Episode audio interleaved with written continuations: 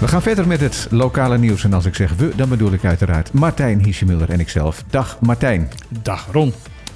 Er is nieuws over de duurzame energievoorziening op Bonaire. We hadden het laatst al over een investering van 10 miljoen euro. Maar de conclusie was dat is bij lange na niet voldoende om daar iets mee te kunnen doen. Om de fossiele brandstof werkelijk terug te kunnen dringen in de komende jaren. Maar er is een, een lijkt wel een ommezwaai.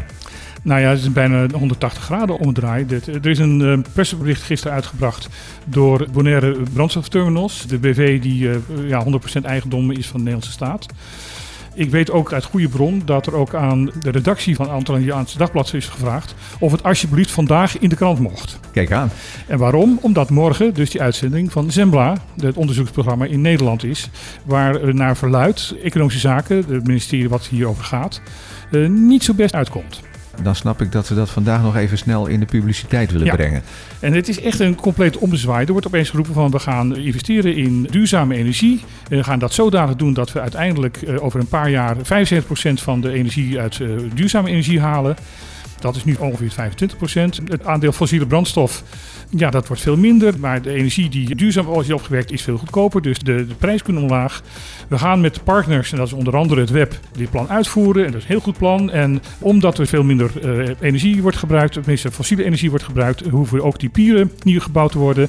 Er wordt geen nieuwe pier uh, in het noorden gebouwd uh, bij Carpata. En ja, zeker want niet, daar was natuurlijk ook nog een hoop om ja, te doen. daar was heel veel om te doen. En zeker niet in het Alexander-reservaat. Um, dat gaan we allemaal niet doen, want dat is slecht voor het koraal. En dat is dus precies het thema wat morgen in dat programma terechtkomt. Het programma Sembla. Sembla. Ja. Dus ja, dit is heel opmerkelijk. En wat ook opmerkelijk is, is dat dit persbericht voornamelijk in de Antillen is verspreid en niet in Nederland. Daar zou je toch ook wat achter gaan zoeken. Ja, het is opmerkelijk. Ja, goed, die fossiele brandstof die zal uiteraard voorlopig nog wel nodig zijn voor het luchtverkeer. En voor het vrachtverkeer op En het voor het eiland. vrachtverkeer op het eiland. Dan het bezoek van de staatssecretaris, mevrouw Van Huffelen. Nou, dat heeft toch best wel een hoop losgemaakt.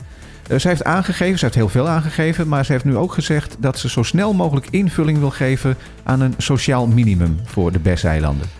Ja, ze wil zo snel mogelijk invulling daaraan geven. Uh, helaas gaat ze dan toch ook weer in op dat eikpunt. Dat, dat punt wat door de sociale zaken zelf is vastgesteld. Een stuk onder het sociaal minimum wat door een aantal uh, onderzoekbureaus is vastgesteld. Ja. Uh, want er moeten dan toch weer kosten bespaard worden. Nou, daar blijven ze over doorgaan. Terwijl iedereen hier zegt, en iedereen die er een beetje verstand van heeft, van dat kan niet. Want er, die kosten zijn niet omlaag te krijgen. Dat is wel gebleken de afgelopen Ja. jaren. Zij zegt van er moet veel gebeuren. Er is veel aan de hand binnen Caribisch Nederland en daar moet iets aan gebeuren. Ze zegt ook, dit zijn mooie woorden, nou moeten het daden worden. Nou, de, Nou, dat is goed dat ze dat zelf dat zegt. zelfs zelf gezegd. En waar ze de hele tijd de nadruk op legt is van de gelijkwaardigheid binnen het koninkrijk. En ze zegt ook van ja, die wegen, daar zal ook iets aan moeten gaan gebeuren. Ja, nou die woorden zijn natuurlijk ook goed binnengekomen bij het eh, OLB. Want die hebben inmiddels ook eh, behoorlijke ambities uitgesproken. Ja, die hebben dus uh, naar aanleiding van het bezoek van mevrouw Van Huffelen ook een persbericht uitgebracht. Waar ze een heel rooskleurig beeld schetsen van de burgers moeten gelukkig, gezond en welvarend zijn. Dat is de ambitie nu van het college voor de komende jaren. We moeten een nieuw bestuursakkoord krijgen om dat voor elkaar te krijgen. Ja, want dat akkoord dat loopt dit jaar af, hè? Ja, de optimisten zeggen van dat dat nog niet eens voor de helft is uitgevoerd. Ja. En de pessimisten zeggen dat nog geen 10% ervan uitgevoerd is. Dus zo'n uh, nieuw akkoord kan eigenlijk gewoon een verlenging van het uh, nog niet afgemaakte Ja. akkoord uh, worden. En ze komen toch ook weer terug, wat we een paar jaar geleden hebben meegemaakt, met een masterplan. Dat wordt dan niet meer masterplan uh, 2030 genoemd, maar het komt er eigenlijk wel op hetzelfde neer dat dat weer ook weer van stal gehaald wordt. En wat houdt dat in, dat masterplan? Een toekomstvisie van in 2030 willen we daar staan. Oké. Okay.